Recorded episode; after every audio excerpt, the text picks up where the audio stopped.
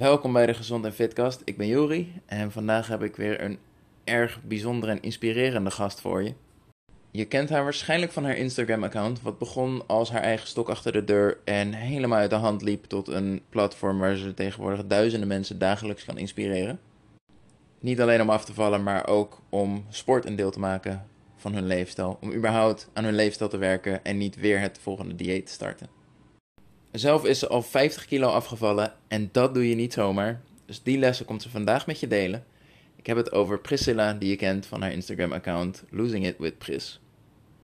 Hey Priscilla, welkom. Hi. Superleuk om je in de Gezond en Fitkast te ontvangen. Mensen kennen je van je Instagram-account Losing It With Pris. Ja. Lastig uitspreken, moet ik zeggen. Um, wat heb jij tot zover al bereikt waardoor mensen jou volgen, kennen? Uh, nou, het Instagram-account is eigenlijk in eerste instantie een beetje gestart als een stok achter de deur. Mhm. Dat is dan een klein beetje ook uit de hand gelopen. Mhm. Ehm, ik ben momenteel 51 kilo afgevallen. Ik heb het uh, eigenlijk zelf op eigen houtje gedaan door middel van mijn voeding te veranderen en te gaan sporten.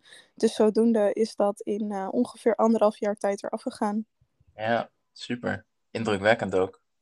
Dank je. Daar gaan we het uitgebreid over hebben. Vooral ook hoe je dat hebt aangepakt, waar je tegenaan liep en hoe je ook dat overwon. Maar eerst wil ik naar het begin. Waar begon voor jou de. Um, nou ja, waar begon voor jou het overgewicht, problemen met gewicht, worsteling met gewicht en afvallen misschien? Um, nou ja, ik heb altijd al wel wat um, overgewicht gehad. Nou was dat niet echt obesitas, maar ik was altijd net even wat, wat dikker, wat breder dan de andere. Ik ben zelf ook best lang, dus dan ben je ook al meteen een soort van buitenbeentje. Dus eigenlijk begon dat al op de basisschool. Ik werd daar ook gepest. Hmm. En uh, langzamerhand naar de middelbare school bleef dat een beetje hangen, maar was het niet echt zorgwekkend. Um, het pesten werd steeds erger. Uh, mijn vader is toen ook ziek geworden. Hij heeft drie herseninfarcten gehad. Um, en vanaf dat moment is eigenlijk een beetje naar beneden gegaan. Um, ik heb toen ook een relatie gehad. Daarin ging alles prima. En na die relatie is het eigenlijk alleen maar erger geworden. En ook heb ik een jaar lang op mezelf gewoond, of na een half jaar lang op mezelf gewoond, waarin ik eigenlijk echt alles at wat los en vast zat. En het was net in coronatijd, dus ik was helemaal alleen. En ik zat ergens een half uur van mijn vrienden vandaan. Dus daar is het denk ik het allerhardst gegaan. En was dat dan van zware periode achter de rug en dat ineens zelfstandig en, en erg geïsoleerd ook moeten uh, verwerken en mee omgaan? Of was het ook een stukje um, ineens zelfstandigheid en niet weten hoe je omgaat qua eten met die vrijheid? Um, ik denk vooral het, het emotie eten, dus het eerste wat je benoemt. Ja. Um, en het, het vervelingseten was het ook vooral. Want ja, ik werkte toen op dat moment niet. Ik zat alleen maar thuis. En als ik altijd een serie aanzette, dan moest ik daar iets bij eten. Nou ja, dan kan je je voorstellen, als je de hele dag voor de tv zit, dan gaat er een hoop eten doorheen. Ja. En heeft jouw omgeving dan ook een rol gespeeld in het aankomen? Want in principe, het, het meeste toename gebeurde dus eigenlijk toen ja, je omgeving in dat opzicht een beetje wegviel juist. Um, maar is dat er ook een beetje met de paplepel ingegoten of eigenlijk ja, helemaal eigenlijk wel. Ja, eigenlijk wel. Want ook in de thuissituatie toen ik nog thuis woonde. Um, ja, mijn moeder was niet echt van het gezond koken of uh, uitgebreide gezonde maaltijden maken. Dus het was altijd wel makkelijk en simpel. En altijd in de avond nog wel iets lekkers erbij. Ah, en dat werd er eigenlijk een beetje een soort van aangeleerd of zo. En dat is gebleven. Ja, tot nu. Had je er last van, van je gewicht? Um, ik probeerde het altijd wel te verbergen op de een of andere manier. Mm Maar op een gegeven moment ga je er toch echt wel last van krijgen. In de zin van een klein stukje lopen met je vrienden naar een terrasje toe. Dat zie je eigenlijk al niet zitten. Mhm. Of um, je moet op school drie trappen op en je kijkt dan naar die trappen en je denkt: Oké, ja, als ik boven ben, sta ik als een heigend paard. En ja, hoe gaat iedereen dan over mij denken? Ja. Dus op dat soort kleine manieren ga je toch wel denken van, oh ja, dit is niet echt heel erg fijn. En ja, de zomer was dan ook echt het minst favoriete seizoen, want Mm. ik zweette me rot en het liefst zat ik de hele dag binnen voor de ventilator. Ja, kan ik me voorstellen. En heb je in die. Nee, laat ik het zo zeggen. Je hebt nu een, een afval. eh, Ik kan het niet eens meer een afvalpoging noemen, want het is gewoon gelukt wat dat betreft. Heb jij daarvoor pogingen gedaan? Of was het echt op een gegeven moment ging de knop om en dat was dit en het ging in één keer. eh, Ja, ik heb wel kleine pogingjes gedaan. Het was, was echt gewoon van, oké, nu gaan we gezond eten. En dan had ik op een dag echt helemaal niks bijna. En dan drie dagen later, aan het einde van de dag, was een vriendin van... Ja, gaan we, gaan we eventjes naar de KFC? Toen dacht ik, ja, oké, weet je, waarom niet? Laat maar. Ja. En dan ging het gewoon weer opnieuw door. Ja.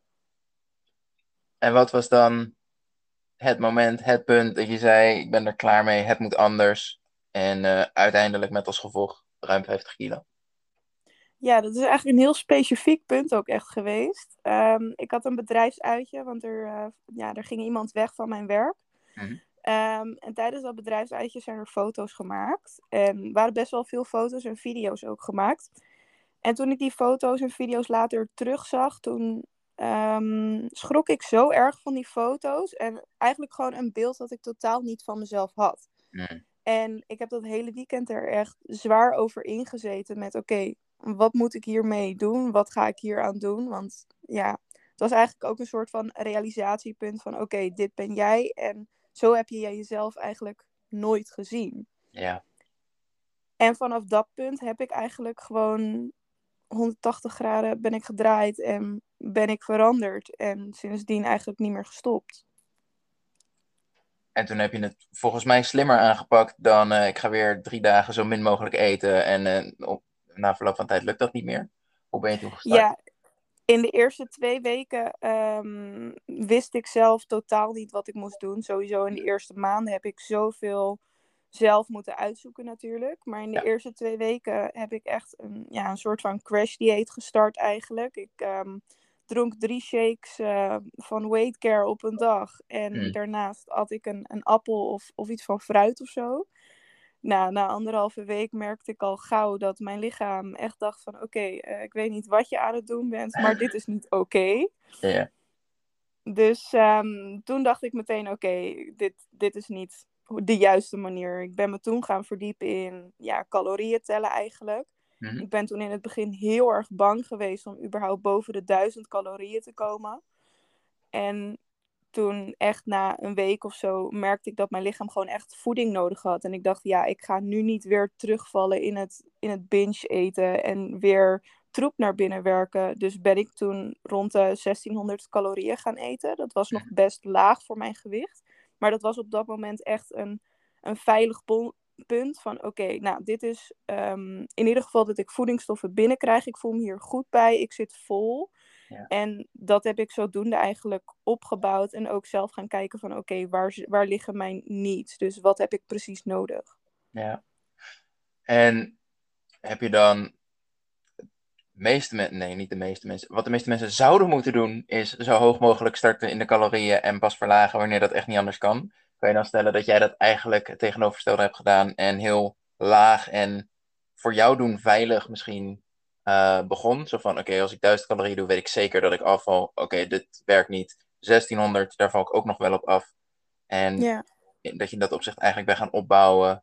Ehm, ik denk ook naarmate je steeds meer leerde over voeding, van hoeveel kan ik nou eigenlijk eten en nog steeds afvallen. ja, inderdaad. En wat is voor jou uiteindelijk het punt geweest qua ehm, calorieën? Waar, waar, waar ben je geëindigd? Hoe hoog ben je geëindigd? Ehm, in, het, in waar ik nu op zit, bedoel je? Nu zal dat een stuk lager zijn omdat jouw gewicht ook lager is, denk ik. Ehm, Ja, Maar iets waar veel mensen tegenaan lopen is ja, een angst om te veel te eten, terwijl ze eigenlijk geen enkel idee hebben hoeveel ze zouden moeten eten. Dus dan zie je vrouwen van 140 kilo die denken, ja, ik heb gelezen 1600 calorieën. En 1600 calorieën werkt fantastisch als je 70 kilo weegt en 65 kilo zou willen wegen. Ja. Maar bij 140 kun je natuurlijk veel, veel meer dan dat eten en nog steeds hartstikke goed afvallen. Ja, Wat was voor precies. jou een beetje in het opbouwen dat je op een gegeven moment merkte van dit is wel eh, zo hoog, kan ik eten en nog steeds goed afvallen en voel ik me ook heel goed bij? Waar is dat punt een beetje voor jou geweest? Ehm, ik denk dat ik dat vooral merkte na de eerste maanden sporten. Dat ik toch merkte van oké, ik heb niet de energie die ik wil hebben, zeg maar. Mhm. Ehm, dus daarin ben ik toen wel heel erg gaan kijken van oké, wat kan ik eten ehm, en waar kan ik dan nog steeds in afvallen. En toen ben ik dus eigenlijk op het, ja, op het BMR gedeelte gekomen. Wat ik Ja. nu dus heel erg ook mensen aanraad om dat echt te berekenen.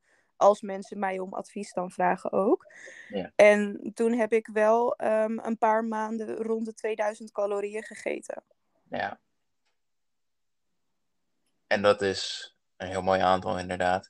Waar voor de Ja. meeste mensen een beetje de grens ligt, is zo rond de 1600, 1800. Zodra je daaronder wil gaan, dan wordt het heel beperkend. Ik bedoel, denk bijvoorbeeld aan een keer uit eten gaan. Het is echt niet gek als dat 1000 calorieën wordt. Ja, als jij Nee, dan in je groep zit met ik moet 1600 aanhouden, dan wordt de rest van de dag wordt wel heel krap. Ja, Dus zo'n 2000 kan ik me voorstellen dat dat ehm, jou de energie gaf om inderdaad ehm, nou ja, je ding te kunnen doen en ook het sporten mee te kunnen nemen. Maar wel heel goed afvallen en dat je dat waarschijnlijk heel lang hebt kunnen volhouden, zo of niet. ja, ja, tot nu. Nog steeds. Nice. Ja. Is wel leuk, want dat is een, een vraag die iemand ook stelde. Dus laat ik daar gewoon gelijk naar springen, omdat hij hier mooi aansluit. Dat was namelijk de vraag: hoe en wanneer pas jij je calorieën aan? Doe je dat bijvoorbeeld op basis van: ik ben 5 kilo afgevallen, dus nu moet ik mijn calorieën verlagen? Of is dat om de zoveel weken? Of pas wanneer je merkt dat je niet afvalt? Ehm, ik heb dat in het begin echt puur alleen gedaan wanneer ik merkte dat ik echt al weken achter elkaar niet afvalde. Dat ging dan niet om twee weken, maar dat ging echt om, om vijf à zes weken. Dat ik echt dan merkte van, oh oké, ik sta vast, ik, ik stijg een beetje, wat is er aan de hand? En dan ging ik dus, toen had ik ook echt pas die kennis van, ehm, ja, berekenen eigenlijk hoeveel calorieën je moet hebben om überhaupt eh, af te vallen of aan te Mhm. komen. Ja. En ja, dat ging ik dan pas echt doen. Super. Mooi ook. Dat je dat inderdaad pas na een week of vier, week of zes doet. Waar de meeste mensen denken, de weegschaal is één keer stilgestaan of een klein beetje omhoog. Twee keer, oh dan, als het twee keer is, dan is het zeker mis en moet er nu iets drastisch veranderen.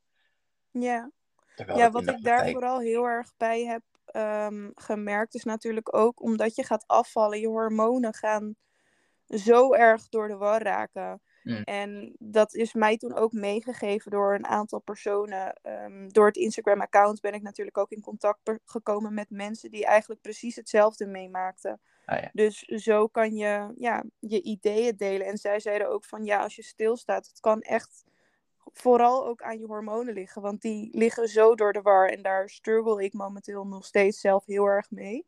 Dat ik een hele onregelmatige cyclus heb. En dat resulteert er soms ook in dat ik gewoon één à twee weken niet afval. Ja, ja er, zeker als vrouw zijn, of vooral als vrouw zijn inderdaad, dat je hebt sowieso al met een cyclus te maken die eh, van week op week invloed heeft op je gewicht. Nou ja, combineer dat met afvallen en dat kan inderdaad ehm, voor enorme schommelingen zorgen. Waar Ja. de meeste mensen verwachten een halve kilo, misschien max 1 kilo schommelen. Ehm, de realiteit is 1% tot 2% van je gewicht. En dat ziet er nogal anders uit als jij 130 kilo weegt en niet 60. Dat kan dus gaan Ja. over een schommeling van 3 kilo. En dat kan dus betekenen dat je op de weegschaal vier weken stilstaat. Maar in de praktijk gewoon bent afgevallen. Ja, precies. En dat is ook eigenlijk waarom ik ook altijd foto's maakte in het begin. Ja. En dan zag je ook wel echt gewoon het verschil. En dat heb ik nu vooral heel erg.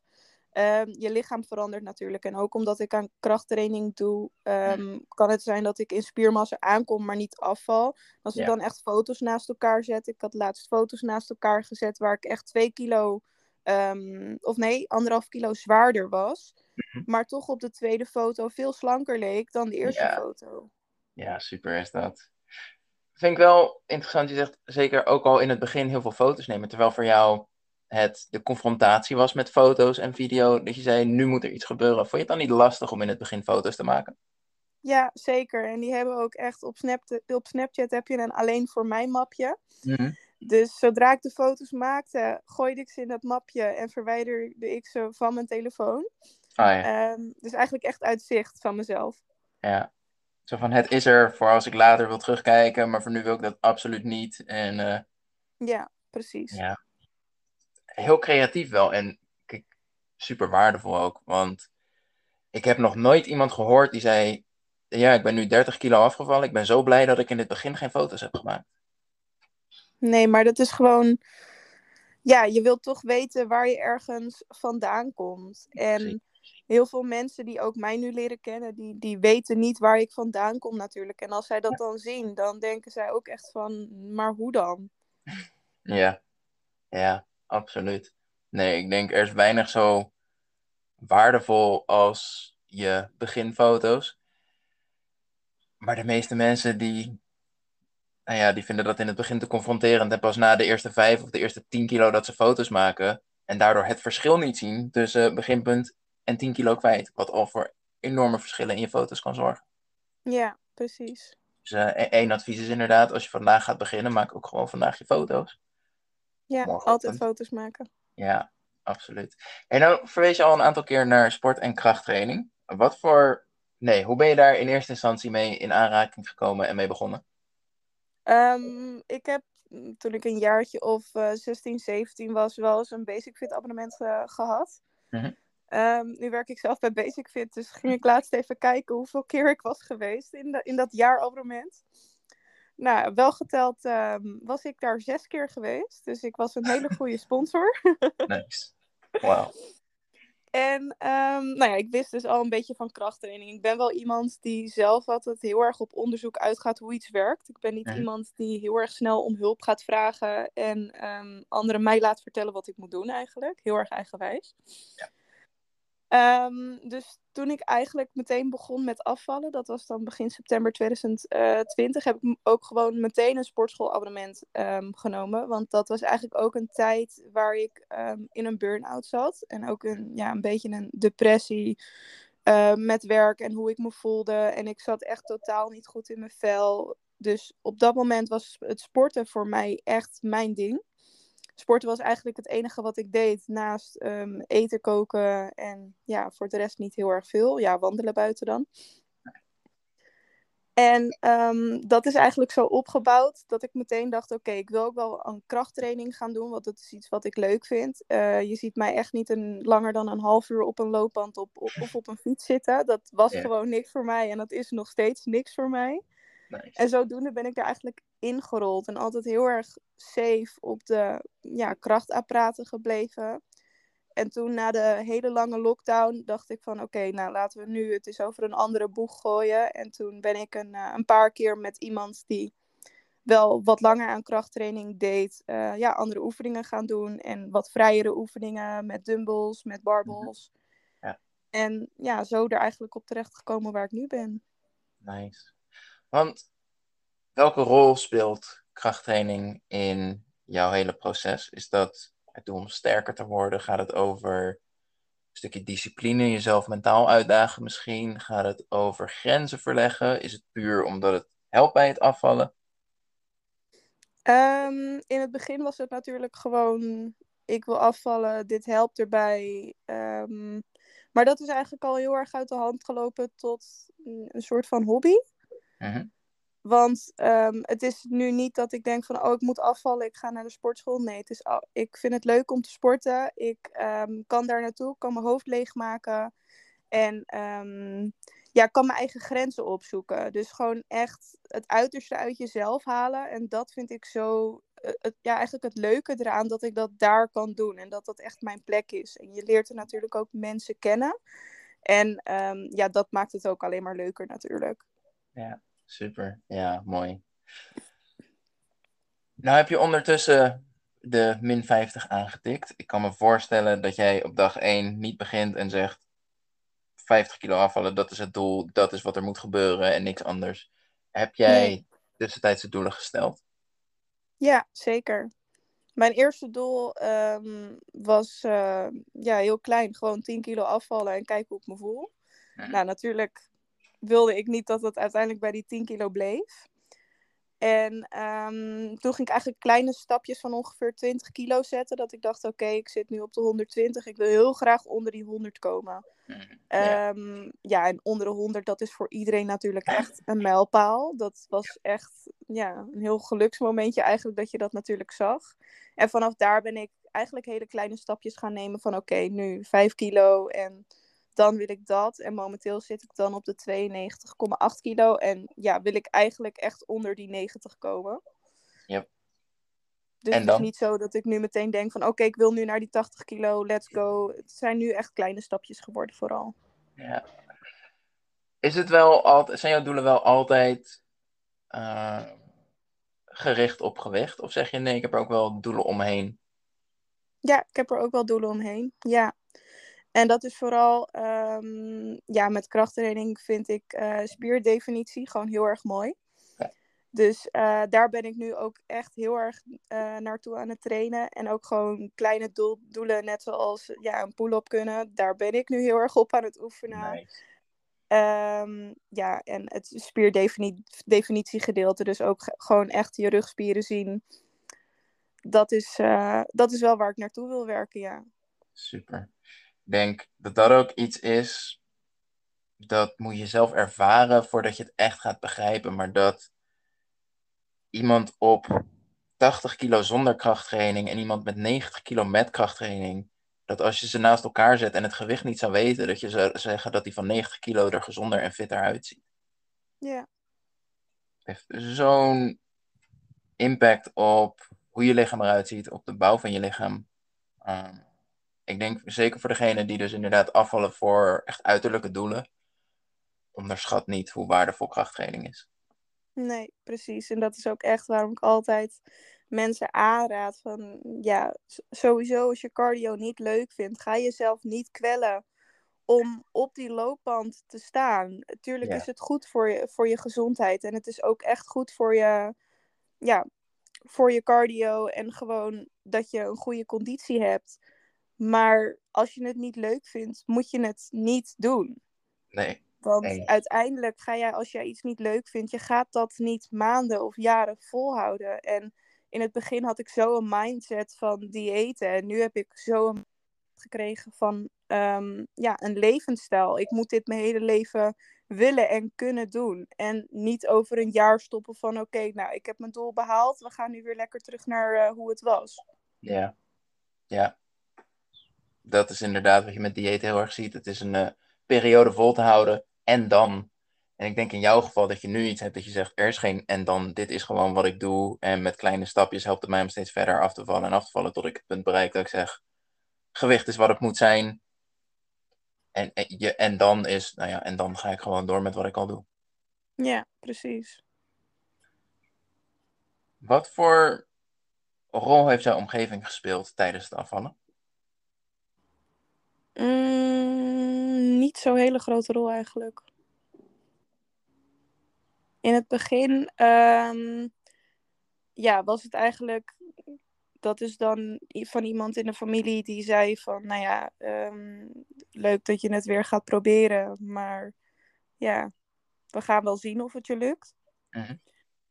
Ehm, dus dat soort mensen en eigenlijk ja, een beetje de omgeving. Ik had natuurlijk wel vriendinnen die, eh, die, die merkten dat het op een gegeven moment toch wel mij lukte. En dat zij wel echt in het begin heel erg supportend waren van eh, ja, goed bezig. En oh, we weten ook, ook van oké, we moeten hier even rekening mee houden dat we dat nu niet aan jou vragen. Dat Mm. was voor, voor mij bijvoorbeeld best wel een trigger. Als ze dan zeiden van ja, ze zullen vanavond even langs de McDrive. Dat ik dan meteen ja zei. Dus ik zei ook in het begin ook al van ja, vraag dat de komende maanden gewoon even niet meer aan mij. Houd daar rekening mee. En daar hielden ze dan altijd wel heel erg rekening mee. Maar ja, over het algemeen heb ik het eigenlijk wel alleen gedaan. Nou ja, ik denk wat je daar wel ehm, benoemt, is wel een hele waardevolle. Dat jij voor jezelf überhaupt wist wat voor jou een trigger is. En vervolgens ook de ballen hebt om gewoon te zeggen, jongens, dit is wat ik nodig heb. Eh, dit is mijn grens. Ehm, zo kan je me helpen. En, ehm, en vervolgens gebeurt dat ook. Dat is ook een hele belangrijke natuurlijk. Ik bedoel, jij kan het wel zeggen en vervolgens wordt er niks mee gedaan. Ja. Dus in dat opzicht, dat is wel super belangrijk. In plaats van, wat ik heel vaak zie, is bijvoorbeeld een. Uh, nou ja, dat er continu commentaar is van ja, ik vind het heel lastig als mijn partner naast me zit op de bank en eindeloos maar zit te snoepen en ik mag dat dan niet. Heb je het ooit met je partner besproken? Ja, nee, eigenlijk niet. Want ik weet eigenlijk niet hoe ik wel zou willen dat het moet zijn. En je hebt voor jezelf duidelijk gehad. Vraag het mij gewoon niet. En verder komt het wel goed. Ja, precies. Super. Als je kijkt naar hoe het was en hoe het, hoe het nu is, wat is er qua mindset voor jou veranderd? Um, ik ben mezelf heel erg tegengekomen vooral. Want ja, je, je leert heel erg veel over jezelf ineens. Omdat je zoveel over dingen aan het nadenken bent. En je bent aan het veranderen. En je omgeving reageert daar ook anders op dan dat je zwaarder was. Hmm. Dus ja, ik denk dat dat heel erg belangrijk bij mij is geweest. En dat ik nu ook wel op een punt ben gekomen van het is oké om alleen te zijn. En het is goed ook om dingen alleen te doen. En dat probeer ik nu ook heel erg te delen met de mensen die mij volgen. Ehm, want ik woon ondertussen ook al twee jaar alleen. Daar heb ik in het begin best wel moeite mee gehad. Maar nu zou ik eigenlijk niet meer in mijn hoofd kunnen denken hoe het zou zijn om met iemand anders te wonen. En ook gewoon dingen alleen doen. Net zoals afgelopen vrijdag ben ik gewoon alleen het strand op gegaan. Ben ik daar alleen gaan zitten. En ik heb echt gewoon genoten.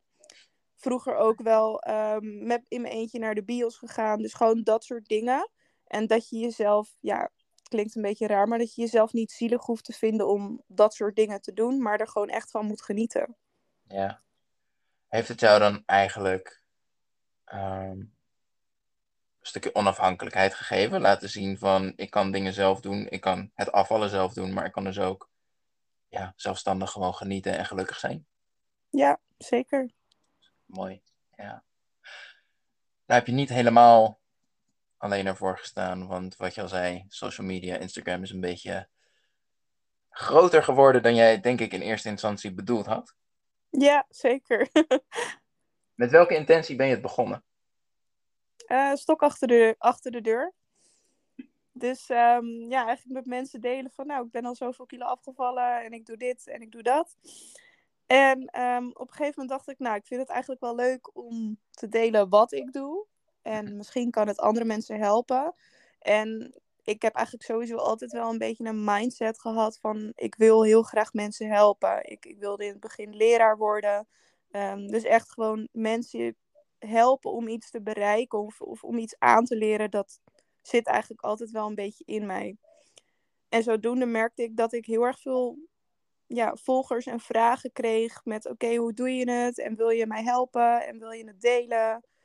En op een gegeven moment dacht ik van, nou ja, laat ik gewoon delen wat ik doe. En laat ik gewoon mijn weg naar het afvallen delen. En kijken wat andere mensen daarmee kunnen. En vandaag de dag krijg ik zoveel berichten van mensen die tegen mij zeggen: Ik ben door jou gestart en ik ben al 10 kilo afgevallen. En ja, ik weet niet, dat doet, dat doet mij zo goed.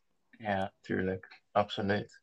Want in eerste instantie startte je het als stok achter de deur voor jezelf. Waar ja zet je tegenwoordig voor in? Wat hoop, nee, wat hoop jij voor anderen te betekenen? Wat hoop je ermee te bereiken, mee te geven? Um, sowieso aan mensen laten weten dat ze niet alleen zijn. Mhm. Want dat heb ik in het begin heel erg gehad. Dat ik, de een, dat ik dacht dat ik de enige was die zoveel moest afvallen. Mhm. En dat ik de enige was die daar problemen mee had. En uiteindelijk op zo'n Instagram pagina merk je dan hoeveel mensen precies dezelfde gedachten hebben. En mensen die ook nu verhalen met mij delen, dat ik dacht van ja, het lijkt gewoon alsof oude ik nu tegen mij praat met alles wat je zegt. Dus sowieso dat meegeven, dat mensen niet alleen zijn in die gedachten. Super. Um, nou heb ik voordat wij gingen opnemen mensen de kans gegeven om via Instagram wat vragen in te sturen. Ik heb daar twee hele mooie uitgepikt en eentje heb je al beantwoord. Um, ja. En dan er was mensen na, en na het luisteren van deze podcast zullen er een aantal zijn die denken: het is tijd om in actie te komen. En anderen denken: hé, misschien moet ik het anders aanpakken. Hoe zou jij aanraden um, om te starten? Om dus inderdaad te zeggen: van nou ja, vanaf vandaag ga ik het anders doen. Vanaf vandaag ga ik beginnen. Ik wil afvallen. Waar zou jij mee beginnen? Zeker met de kennis die je nu hebt in tegenstelling tot de kennis die je had. Ehm, eerste tip, start niet hoe ik ben, hoe, hoe ik ben begonnen. Want ja, dat is het slechtste wat je kan doen. Beginnen met afvalshakes um, en ook alle andere rotzooi die er bestaat met pillen en detox, koffies en weet ik veel wat. Begin daar gewoon echt niet aan. Dat is echt mijn allereerste punt wat ik altijd tegen iedereen zeg. Um, daarnaast uh, ga je verdiepen in voeding. Want op het moment dat je een voedingsschema van iemand ontvangt, dan kan je natuurlijk dat voedingsschema gaan aanhouden. Mhm. Maar op een gegeven moment, als je dat schema zat bent en daarna je op jezelf staat, ja, je weet gewoon niet wat je moet doen, want je hebt je niet verdiept in de voeding. Dus op het moment dat jij je erin gaat verdiepen, je gaat leren wat calorieën zijn, je gaat leren wat eiwitten, koolhydraten en vetten zijn en ja, wat je lichaam eigenlijk nodig heeft, dat je op dat moment zelf ook echt pas je voeding kan invullen en dat het ook gewoon een stuk leuker wordt. Dat je geen voedingsschema elke dag hetzelfde hoeft te eten en elke dag hoeft te volgen, maar dat je gewoon voor jezelf kan indelen. Dit vind ik lekker, dit wil ik eten. En dat kan ook gewoon. Ja, dus eigenlijk in plaats van uh, eh, willekeurig ding van internet of iemand betalen om een eetschema voor je te maken, wat je twee maanden kan volhouden en daarna een beetje spuugzat, zeg jij, zorg dat je eigenlijk leert hoe je je eigen voedingskeuzes kan maken of je eigen voedingsschema kan maken, zodat je het ook kan aanpassen uh, wanneer je ja. behoeft. Zijn er plekken, bronnen die jij zou aanraden om dus inderdaad over voeding te leren? Um, Oeh, die vind ik lastig. Ja, ik ben, ben zelf heel erg ja, meer mensen gaan volgen eigenlijk. Die daar ook dingen over delen. Maar ik zou nu niet 1, 2, 3 kunnen opnoemen wie dat allemaal zijn. Het zijn zoveel mensen. Zeker. Um, dus je zegt, nou ja, allereerst zeg je, hè, verdiep je in voeding en, en leer daar zoveel mogelijk over, zodat je niet afhankelijk bent van eetschema's en algemene adviezen. Um, hoe zou jij het concreet adviseren aan te pakken? Eén, wat je bijvoorbeeld al noemde, is bereken alsjeblieft je caloriebehoefte in plaats van op 1000 calorieën te starten. Mee eens? Ja, precies. Dat is vooral een hele goede. En um, wat ik ook vaak tegen mensen zeg is, ja, iedereen wil natuurlijk in het begin meteen perfectie hebben. Ze willen het meteen goed doen. Um, maar dat is gewoon in heel veel gevallen niet haalbaar. En zorg er in het begin dan op zijn minst voor dat jij um, weet wat je eet. Dus dat je een keer een verpakking omdraait van dat uh, pakje kokosmelk. En dat je kijkt van oké, okay, ik gooi dit pakje wel altijd door mijn pasta heen. Maar wat zit er nou eigenlijk in? En op het moment dat je dan gaat beseffen van wat er in je eten zit. En gewoon random is een dagje alles afweegt en scant. En dan ziet hoeveel je binnenkrijgt. Kan je zoveel meer kennis opdoen. Um, ja, met ook waar jouw valkuilen zitten. Dus waar jij te veel calorieën binnenkrijgt en waar je juist kan aanvullen. Ja. Zou jij dan ook gewoon adviseren om um, zeker in het begin een periode te starten met het bijhouden van voeding in een app? Ja, zeker. Ja, eens. Ik denk, er, er zijn duizenden cursussen, trainers, coaches, weet ik het wat. Maar ik denk, als het gaat over leren over voeding en een stukje bewustzijn over voeding, ik denk dat er niks zo waardevol is als gewoon zeker twee maanden lang alles bij te houden en bewust te worden van wat zijn nou de producten uh, die ik eet en, wat voor invloed heeft dat nou? Ja, precies. En wat ik ook ja, heel veel mensen die denken daar um, te obsessief in ja. gaan worden. Dus alles willen tellen. Maar ja, dat ligt echt bij jezelf. En dat is een, een stukje mindset wat je in jezelf echt moet veranderen met... Het is echt niet erg dat jij elke dag je calorieën wilt tellen, maar je moet ook niet in paniek raken als dat een keer er overheen zit ik vandaag de dag, ik tel nog steeds elke dag mijn calorieën. En dat is echt niet omdat ik er obsessief in ben. Want er zijn ook echt wel eens dagen dat ik denk van, nou, ik heb er nu geen zin in. En um, ik eet hetzelfde als gisteren, dus ik weet het wel. Ja. Maar um, ook als ik een keer overheen, er overheen zit, dan zet ik dat er ook gewoon in. Want ik wil dan gewoon zien aan het einde van de week van oké, okay, hoeveel calorieën heb ik ingenomen? Kom ik nu aan? Val ik nu af? Ja. Um, dus echt het inzicht krijgen. En het is niet het obsessief willen afvallen en daarom alleen maar mijn calorieën tellen. Eens. Ik kom dit heel vaak tegen. Zeker bij degene met een ervaring met een zekere personal body plan. En waar alles lijkt te draaien om zorg dat je balkjes kloppen. Ehm, maar inderdaad, dat bijna het bijhouden het doel wordt in plaats van het middel. Het zou het middel moeten zijn waardoor jij bewust wordt van wat je eet. Waarvan je inzicht krijgt in hoeveel je eet. En ehm, of dat genoeg is of dat te veel is om mee af te vallen. Ehm, dus of jij nou wel of niet je olie waarin je bakt afweegt, dat moet je helemaal zelf weten. Als jij dat consequent niet afweegt en invoert en dat is goed genoeg om mee af te vallen, laat het lekker zo. Zolang het werkt is het prima. Precies, ja. Hoe zou je het aanpakken qua sport? Zou je überhaupt vanaf dag 1 zeggen, um, begin met sport? Ja, en dat is omdat het mij heel erg heeft geholpen. En ehm, ja, wat je nu natuurlijk ook ziet, de mensen die heel erg graag willen afvallen en ook ja, in het wat hogere gewicht zitten, net zoals ik in het begin, ehm, die zullen er zowel lichamelijke problemen als mentale problemen bij hebben. En um, ja, het mentale bij mij is zo erg uh, veranderd door het sporten. Ik heb daar zoveel door meegekregen. Gewoon alleen al even een uurtje je hoofd ergens anders hebben. Niet denken aan het alleen maar willen afvallen, maar gewoon echt eventjes ja, jezelf laten gaan eigenlijk. En dan gewoon dat met krachttraining doen. En al is het alleen maar op een apparaat, al ben je er maar een half uurtje. Gewoon alleen eventjes het er zijn, dat was voor mij zoveel. Heeft krachttraining jou de uitlaat, uitlaatklep gegeven waardoor het emotie eten ook minder werd? Ja. ja. Had jij in het begin van krachttraining, had je daar moeite met je gewicht? Had je er last van? Waren er oefeningen dat je zegt, daar, uh, die, die werkte voor mij niet? Ja, zeker. En dat is ook waarom ik eigenlijk altijd op de apparaten ben gebleven. Hm. Want uh, ja, ik had mijzelf met dat gewicht zeker niet um, squat zien doen met een barbel. ja. En ja, dat was ook gewoon wel een drempelpuntje natuurlijk. En in het begin, ja, natuurlijk de eerste week schaamde ik me dat ik daar was. Maar ik kreeg zoveel lieve mensen die dan gewoon even een lachje geven. Of even zeggen, wat ben je goed bezig, weet je wel. Dat ik me er uiteindelijk zo fijn ging voelen. Ja. Een goede sportschool vinden is lastig. Maar als het dan lukt, dan is het inderdaad super waardevol. Eentje met gewoon een sfeer en publiek inderdaad wat elkaar aanmoedigt. Ja, ja precies. Zeg jij, iedereen moet krachttraining doen? Of zeg jij, ontdek een sport die jij leuk vindt en doe dat. Ja, iedereen moet doen wat hij zelf wil. Als jij krachttraining niet leuk vindt, moet je iets anders gaan doen. Ja, absoluut. Dan gaan we dus verdiepen in voeding, calorieën tellen, calorieën berekenen. Laten we daarmee beginnen. Calorieën berekenen.